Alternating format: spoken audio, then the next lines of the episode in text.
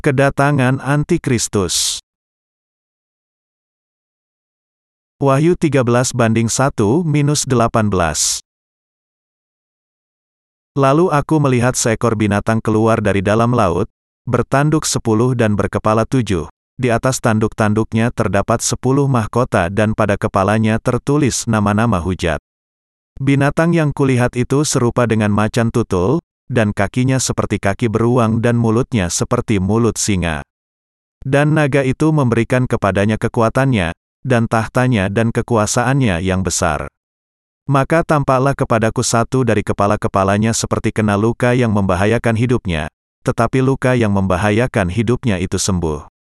Seluruh dunia heran, lalu mengikut binatang itu. Dan mereka menyembah naga itu, karena ia memberikan kekuasaan kepada binatang itu.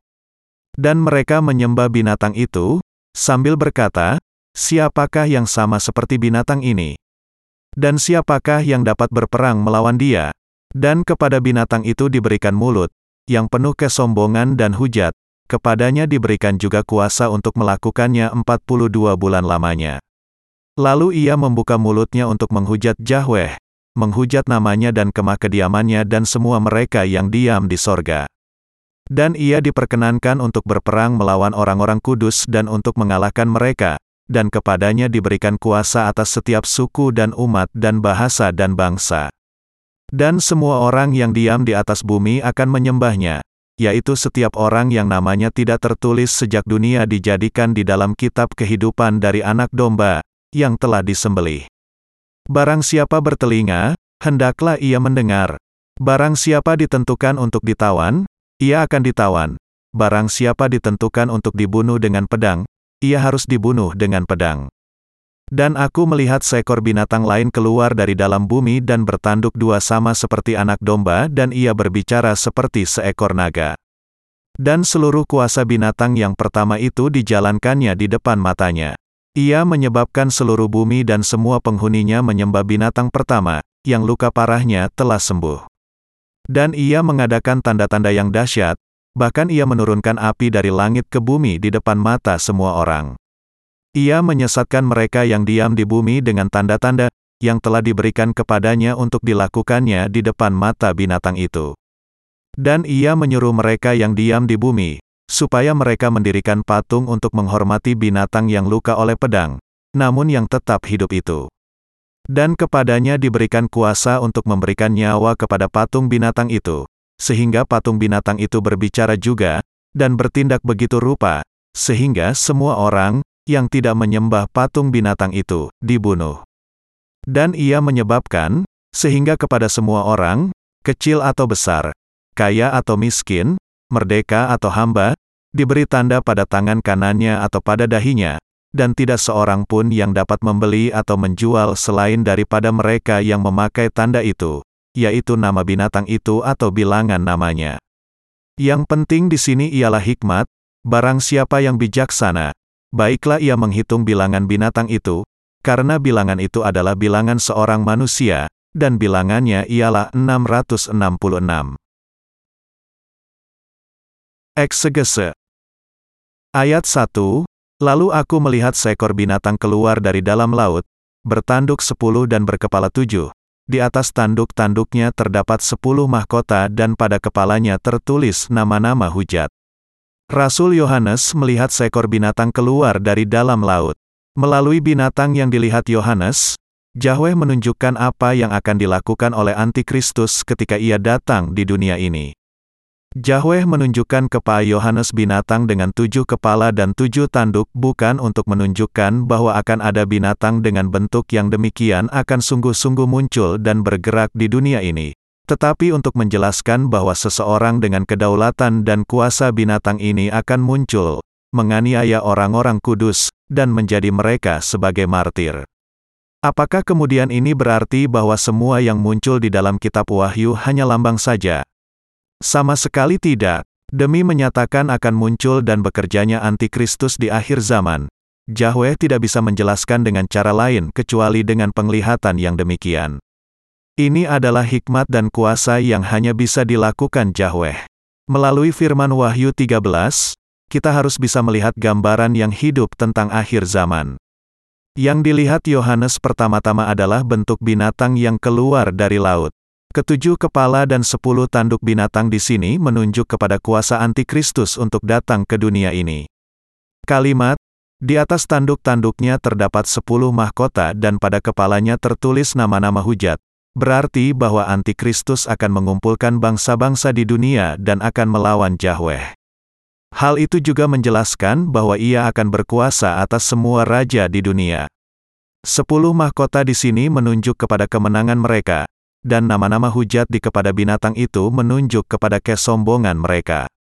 Di masa yang akan datang, dunia akan diperintah oleh suatu badan bangsa-bangsa, didasarkan oleh sistem pemerintahan yang mengejar keuntungan bersama dari negara-negara yang dipersatukan. Kuasa gabungan superpower ini, suatu lembaga supranasional yang sangat besar, akan mengembangkan kedaulatannya dan menguasai seluruh negara di dunia, dan pada akhirnya akan melakukan pekerjaan antikristus ketika akhirnya ia menyatakan kemunculannya di dunia ini.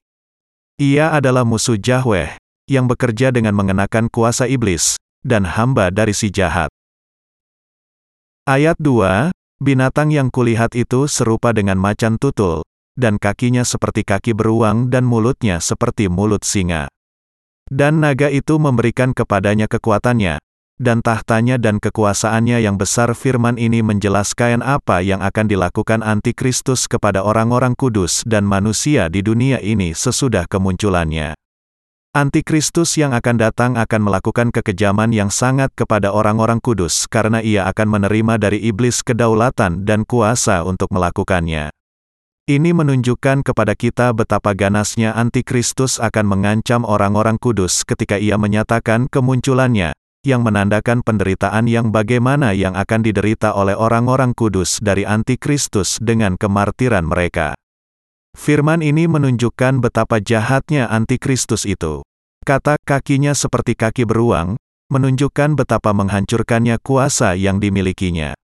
Naga, di ini sebenarnya adalah malaikat yang diciptakan oleh Yahweh, yang sudah memberontak berusaha merebut tahtanya. Binatang yang muncul di dalam pasal ini menunjuk kepada dia yang menerima kedaulatan dari naga itu dan yang melakukan pekerjaan melawan Yahweh dan orang-orang kudusnya. Iblis, Malaikat yang diusir dari surga, akan memberikan kuasa dan kedaulatannya kepada dia yang akan melawan Yahweh, dan memimpin dia kepada kematiannya dengan membuat dia berperang melawan Yahweh dan orang-orang kudusnya.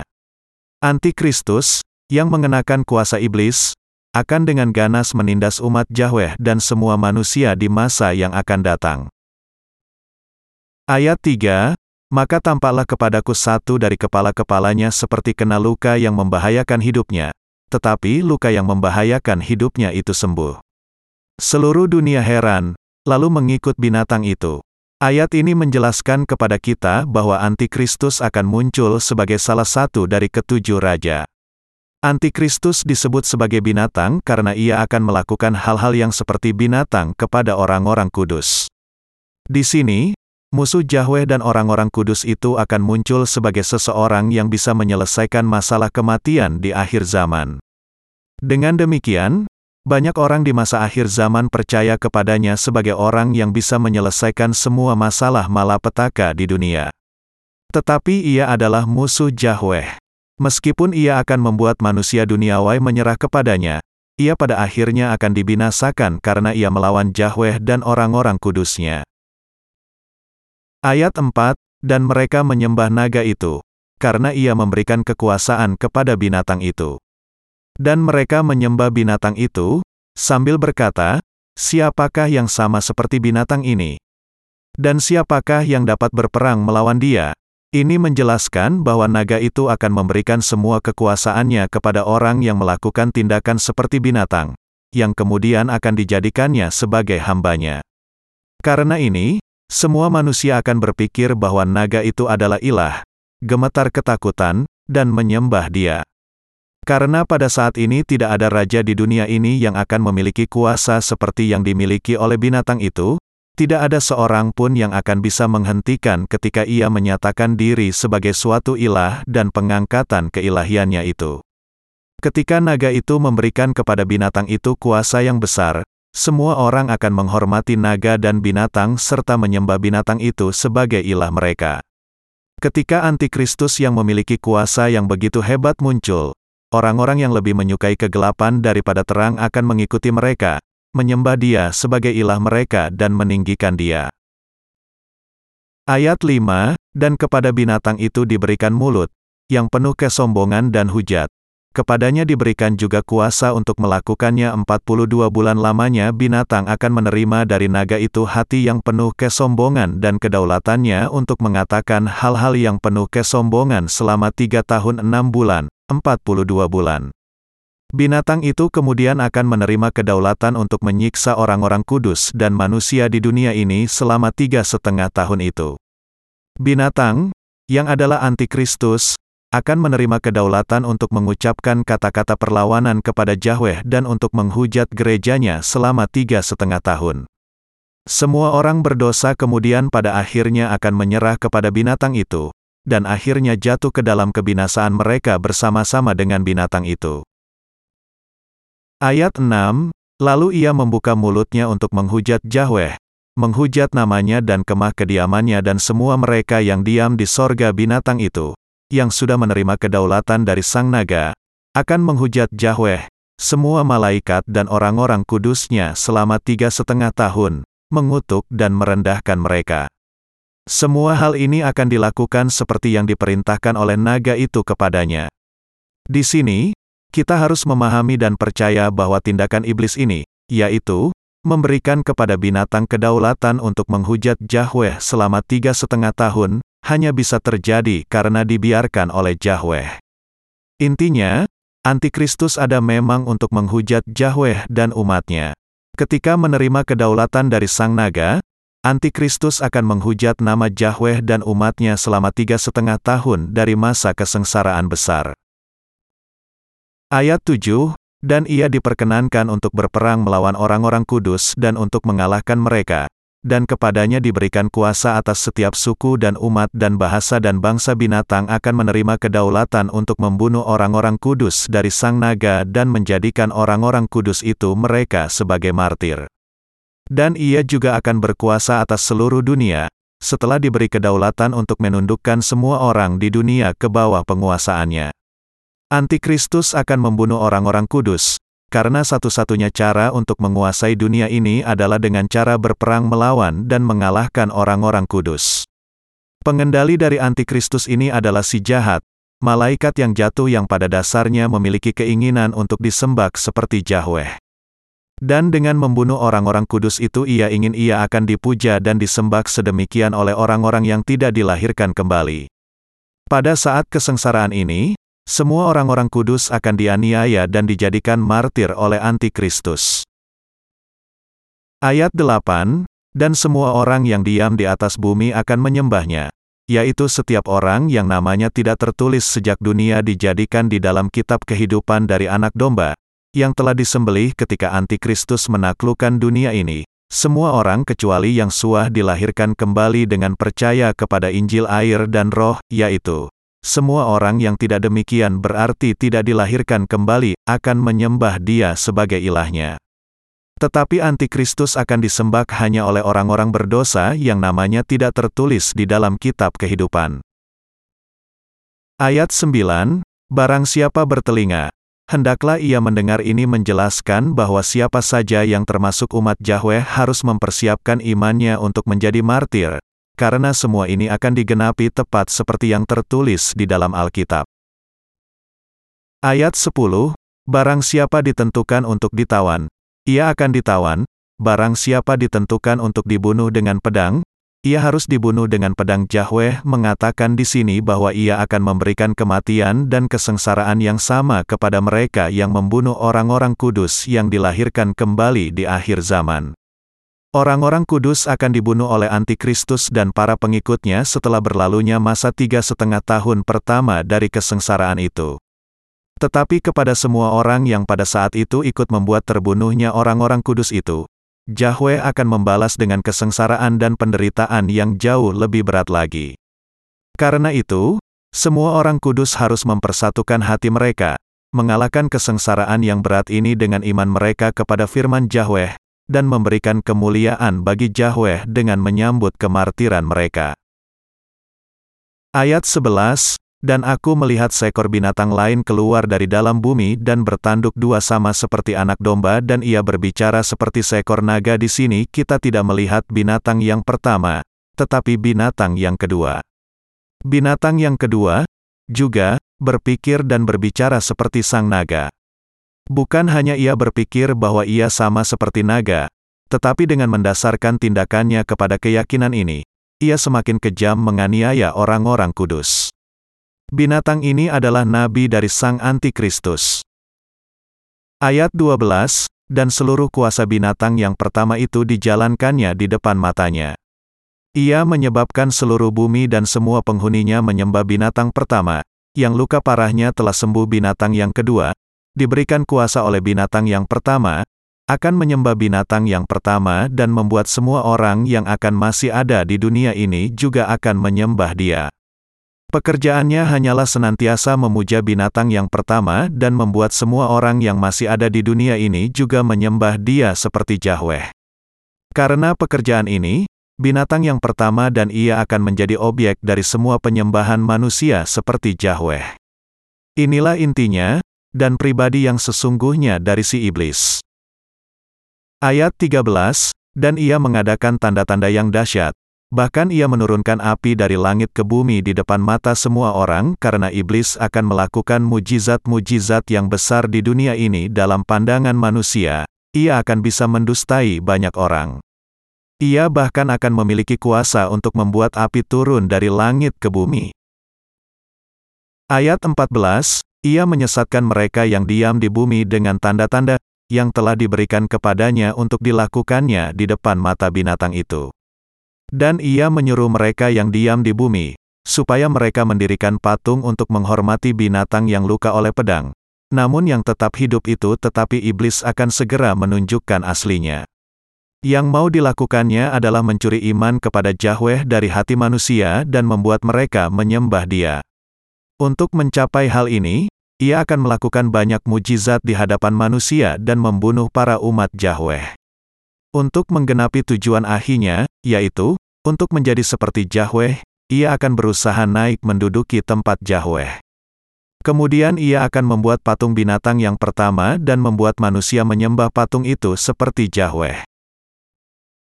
Ayat 15, dan kepadanya diberikan kuasa untuk memberikan nyawa kepada patung binatang itu. Sehingga patung binatang itu berbicara juga, dan bertindak begitu rupa, sehingga semua orang, yang tidak menyembah patung binatang itu, dibunuh karena halangan yang terbesar untuk mengilahian dirinya adalah umat Yahweh, maka iblis akan melakukan apa saja untuk menyingkirkan mereka. Ia kemudian akan membunuh semua orang yang tidak mau menyembah patung binatang itu, tidak peduli berapapun banyaknya jumlah mereka. Tetapi orang-orang kudus tetap tidak akan menyerah kepada binatang ini. Dengan demikian, orang-orang kudus dalam jumlah yang tidak terhitung banyaknya akan dengan rela menyambut kemartiran mereka karena iman mereka pada aat ini, dengan memandang kepada kehidupan sesudah ini. Karena antikristus akan membawa banyak penderitaan kepada orang-orang kudus, Yahweh akan mempersiapkan bagi dia malapetaka ketujuh cawan dan penghukuman api neraka yang kekal. Ayat 16-17, dan ia menyebabkan, sehingga kepada semua orang, kecil atau besar, kaya atau miskin, merdeka atau hamba, diberi tanda pada tangan kanannya atau pada dahinya, dan tidak seorang pun yang dapat membeli atau menjual selain daripada mereka yang memakai tanda itu, yaitu nama binatang itu atau bilangan namanya di puncak dari masa kesengsaraan besar, Antikristus akan menuntut semua orang menerima tanda di tangan kanan atau di dahi, untuk bisa memastikan bahwa semua orang akan ada di bawah pengendaliannya. Tanda ini adalah tanda binatang itu. Untuk menjadikan semua manusia sebagai hambanya, Antikristus akan memaksa manusia menerima tandanya. Dengan jaminan memegang kehidupan manusia di tangannya, Antikristus kemudian melanjutkan dengan rencana politisnya. Ia kemudian mengatur agar tidak mungkin bagi siapa pun yang tidak memiliki tanda binatang darinya, untuk membeli atau menjual apa pun dengan cara bagaimanapun. Tanda ini adalah nama binatang itu, atau bilangannya. Ketika binatang itu datang ke dunia ini di masa yang akan datang, semua orang akan diwajibkan menerima tandanya, yang berupa nama atau bilangannya. Karena itu kita harus mengingatkan diri kita tentang peringatan Yahweh bahwa siapa saja yang menerima tanda ini akan dibuang ke dalam lautan api dan belerang. Ayat 18, yang penting di sini ialah hikmat, barang siapa yang bijaksana, baiklah ia menghitung bilangan binatang itu, karena bilangan itu adalah bilangan seorang manusia, dan bilangannya ialah 666. Bilangan dari binatang itu adalah 666. Singkatnya, ini berarti bahwa binatang itu menjadikan diri sama dengan Yahweh. Apakah ada bilangan yang menandakan bahwa seorang manusia adalah Yahweh? Bilangan yang memiliki makna yang demikian adalah bilangan antikristus. Dengan demikian, orang-orang kudus tidak boleh menerima tanda ini, karena hanya Yahweh Tritunggal yang merupakan Yahweh yang benar bagi kita.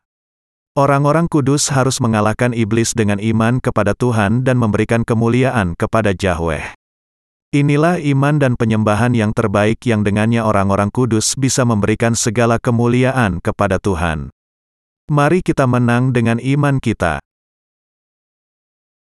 Penjelasan dari kata-kata kunci. Pokok dari pasal 13 adalah kemunculan antikristus dan iblis. Dengan kemunculan mereka, orang-orang kudus akan terlibat di dalam suatu peperangan rohani, yang di dalamnya mereka tidak memiliki pilihan lain kecuali dijadikan martir karena antikristus. Antikristus adalah hamba iblis, orang yang akan menganiaya orang-orang kudus dan menjadikan mereka sebagai martir. Ketika hidup di zaman sekarang ini, semua orang-orang Kristen dan orang-orang non-Kristen yang masih ada di dunia ini harus memahami firman Wahyu. Pasal 13 dari kitab Wahyu menubuatkan bahwa akan datang saatnya di mana iblis akan mengilahi an antikristus seperti Yahweh. Iblis akan memberikan kedaulatan yang begitu besar kepada salah satu pemimpin politik yang berkuasa di dunia ini dan menjadikan dia sebagai musuh Yahweh dan orang-orang kudusnya. Secara khusus, Antikristus akan mengilahian dirinya sendiri sebagai Yahweh dan melawan dia. Semua orang, termasuk umat Yahweh, akan sangat menderita karena kesengsaraan dan penganiayaan yang dilakukan oleh oleh antikristus yang seperti binatang. Bagian utama di atas menunjukkan kepada kita bahwa patung dari Sang Antikristus, setelah diberi nyawa oleh iblis, akan berbicara seperti hidup, dan juga akan memiliki kedaulatan penuh untuk menyiksa manusia. Orang-orang yang tidak dilahirkan kembali kemudian akan menyerah kepadanya dan menjadi hamba-hambanya. Semua orang yang tidak mau menyembah patung dari iblis itu, di lain pihak, akan dibunuh, tidak peduli seberapapun banyak jumlahnya. Iblis juga akan mengharuskan semua orang untuk menerima tanda atau bilangannya di tangan kanan atau di dahinya. Kita semua harus mempersiapkan iman kita terlebih dahulu, dan berperang serta mengalahkan iblis dengan iman kita di masa yang akan datang dengan memahami dan percaya kepada makna dari firman yang yang dinyatakan di dalam Wahyu 13 sebelumnya.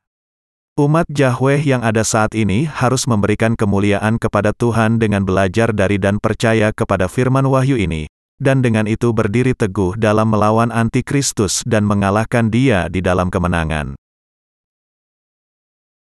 Asal mula neraka Kita harus terlebih dahulu memahami mengapa harus ada neraka dan mengapa hal itu sampai menjadi ada. Neraka adalah tempat yang disiapkan bagi iblis. Alkitab mengatakan bahwa pada awalnya ia bukanlah iblis, tetapi salah satu malaikat yang diciptakan oleh Yahweh.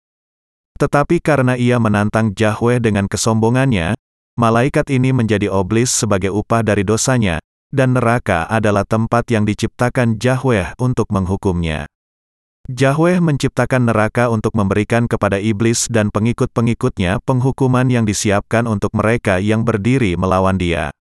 Yesaya pukul 14:12-15 menjelaskan bagaimana malaikat pada akhirnya berubah menjadi iblis. Wah, engkau sudah jatuh dari langit.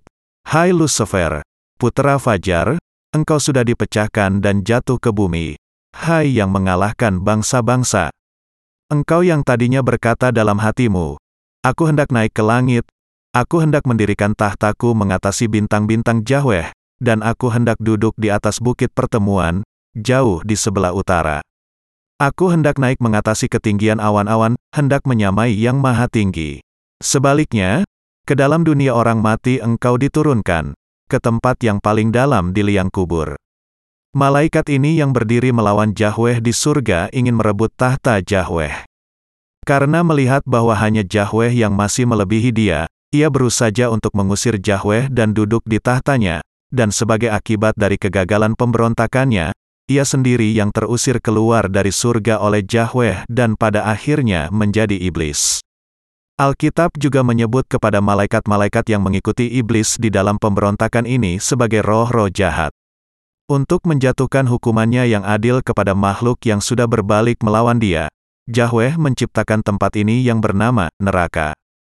Meskipun iblis nampaknya bisa senantiasa menantang Yahweh tanpa ada habisnya dan menghujat karya-karyanya, Ketika Injil air dan roh diberitakan kepada semua manusia, ia pada akhirnya akan terikat di lubang tanpa dasar selama seribu tahun.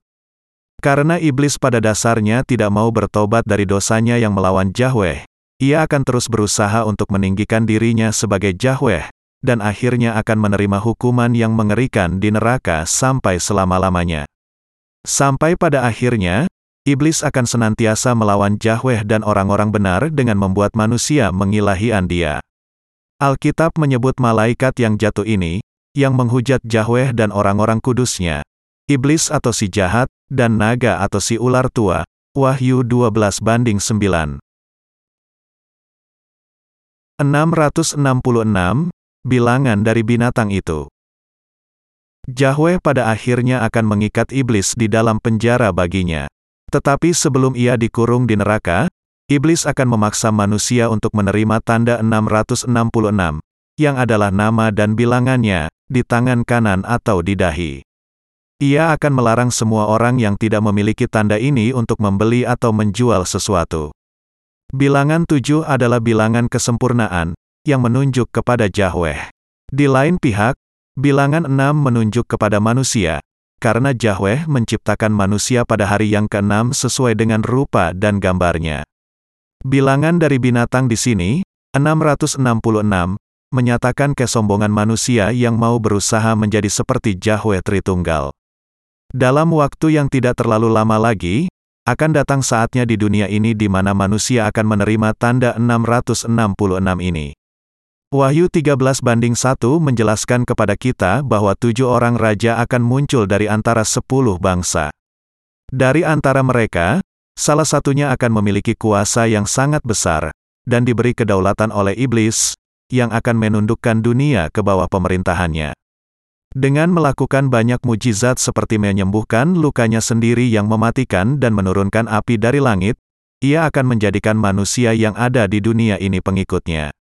Dengan kata lain, karena iblis membuat manusia lebih mengikuti dia dibandingkan dengan mengikuti Yahweh, banyak orang yang akhirnya menyembah dia sebagai sebagai pahlawan yang muncul di masa-masa sulit, antikristus, yang menerima kedaulatan yang besar daru iblis, akan berusaha untuk mendapat pengikut sebagai Yahweh atas sebanyak mungkin orang dengan menyelesaikan masalah-masalah politis ekonomis yang akan dihadapi oleh dunia pada masa itu. Pada akhirnya, iblis akan menyatakan dirinya yang sebenarnya dengan berusaha untuk secara langsung menantang Yahweh di akhir zaman. Sebagaimana yang kita lihat di dalam kitab Daniel, masa kesengsaraan besar akan berubah menjadi teramat sangat kera ketika mencapai akhir dari paruh yang pertama.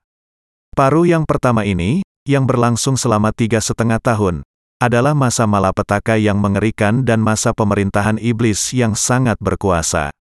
Tetapi ketika tiga setengah tahun itu berakhir, yang kemudian akan terjadi adalah badai kesengsaraan yang semakin dahsyat. Pada saat ini, iblis akan diberi kedaulatan untuk melakukan karyanya di antara manusia di dunia ini, membunuh semua orang yang tidak mau mendengarkannya, menipu mereka dengan mujizat-mujizatnya yang menurunkan api dari langit, mengilahian dirinya, dan membuat mereka melakukan pekerjaan penghujatan terhadap Yahweh. Pada saat yang sama, Antikristus, yang menerima semua kedaulatan dari iblis, akan menghujat orang-orang kudus dan membunuh orang-orang kudus yang tidak mau mentaatinya. Sebagaimana yang dikatakan ayat 7-8, dan ia diperkenankan untuk berperang melawan orang-orang kudus dan untuk mengalahkan mereka, dan kepadanya diberikan kuasa atas setiap suku dan umat dan bahasa dan bangsa. Dan semua orang yang diam di atas bumi akan menyembahnya, yaitu setiap orang yang namanya tidak tertulis sejak dunia dijadikan di dalam kitab kehidupan dari anak domba, yang telah disembelih. Ada, bagaimanapun, orang-orang yang akan menolak untuk menyembah binatang itu pada saat ini, dan orang-orang itu tidak lain dari orang-orang yang dilahirkan kembali dari Yahweh yang namanya sudah dituliskan di dalam kitab kehidupan anak domba. Peristiwa kemartiran Kemartiran adalah peristiwa yang akan terjadi ketika orang-orang kudus yang sudah dilahirkan kembali dari air dan roh mempertahankan iman mereka kepada Tuhan dengan menolak tanda dari iblis. Dengan cara lain, Masa kesengsaraan besar akan sampai kepada tingkat yang paling berat ketika masa paruh pertama yang tiga setengah tahun itu semakin mendekat. Pada saat itu, iman orang-orang benar harus dipersiapkan untuk kemartiran mereka. Akan tetapi, orang-orang yang meskipun percaya kepada Yesus sebagai juru selamat mereka, tidak percaya kepada Injil air dan roh, dan dengan itu tidak menerima pengampunan dosa dan masih memiliki dosa di dalam hati mereka, pada akhirnya akan berpihak kepada iblis dan akhirnya menyerah kepadanya. Karena orang-orang Kristen yang percaya kepada Yesus tetapi tidak dilahirkan kembali tidak memiliki roh kudus di dalam hati mereka, ketika mereka didesak, mereka akan tunduk kepada iblis, menerima tandanya di tangan kanan atau di dahinya, dan menyembah dia sebagai Yahweh pada akhirnya. Kita harus sungguh-sungguh memahami dengan jelas bahwa hanya orang-orang yang tidak mau menyembah iblis pada saat itu sajalah yang akan menerima pengampunan dosa mereka. Kita juga harus menyadari bahwa Yahweh sudah dengan jelas mengatakan kepada kita bahwa ia akan melemparkan, bersama dengan iblis, semua orang yang menyerah kepada binatang ke dalam lautan api dan belerang. Ayat 9-10 menjelaskan, Barang siapa bertelinga, hendaklah ia mendengar. Barang siapa ditentukan untuk ditawan, ia akan ditawan. Barang siapa ditentukan untuk dibunuh dengan pedang, ia harus dibunuh dengan pedang. Pada saat ini, Antikristus dan pengikut-pengikutnya akan membuat penganiayaan yang dahsyat kepada orang-orang benar, menjual mereka dan membunuh mereka dengan pedang mereka. Yang harus sungguh-sungguh kita sadari, bagaimanapun, adalah bahwa Yahweh pasti akan membalaskan kepada musuh-musuh yang sudah menganiaya dan membunuh orang-orang benar. Dengan demikian, orang-orang kudus harus melalui penganiayaan dan kematian dengan percaya kepada janji Yahweh. Kalau Yahweh tidak memberikan pembalasan kepada musuh-musuh kita, bagaimana mungkin kita menutup mata kita dengan rasa putus asa karena ketidakadilan? Tetapi karena Yahweh sudah berjanji akan membalaskan kepada musuh-musuh yang sudah menganiaya kita, kematian kita tidak akan sia-sia. Yahweh pasti akan membalaskan kepada mereka yang menyiksa dan menindas orang-orang benar, dan menuntun orang-orang benar kepada kebangkitan, pengangkatan mereka, dan perjamuan kawin anak domba, membuat mereka memerintah bersama dengan Tuhan selama seribu tahun dan hidup bersama dengan dia selama-lamanya. Tuhan kita dengan demikian adalah Yahweh yang terbaik yang akan menggenapi semua pengharapan kita.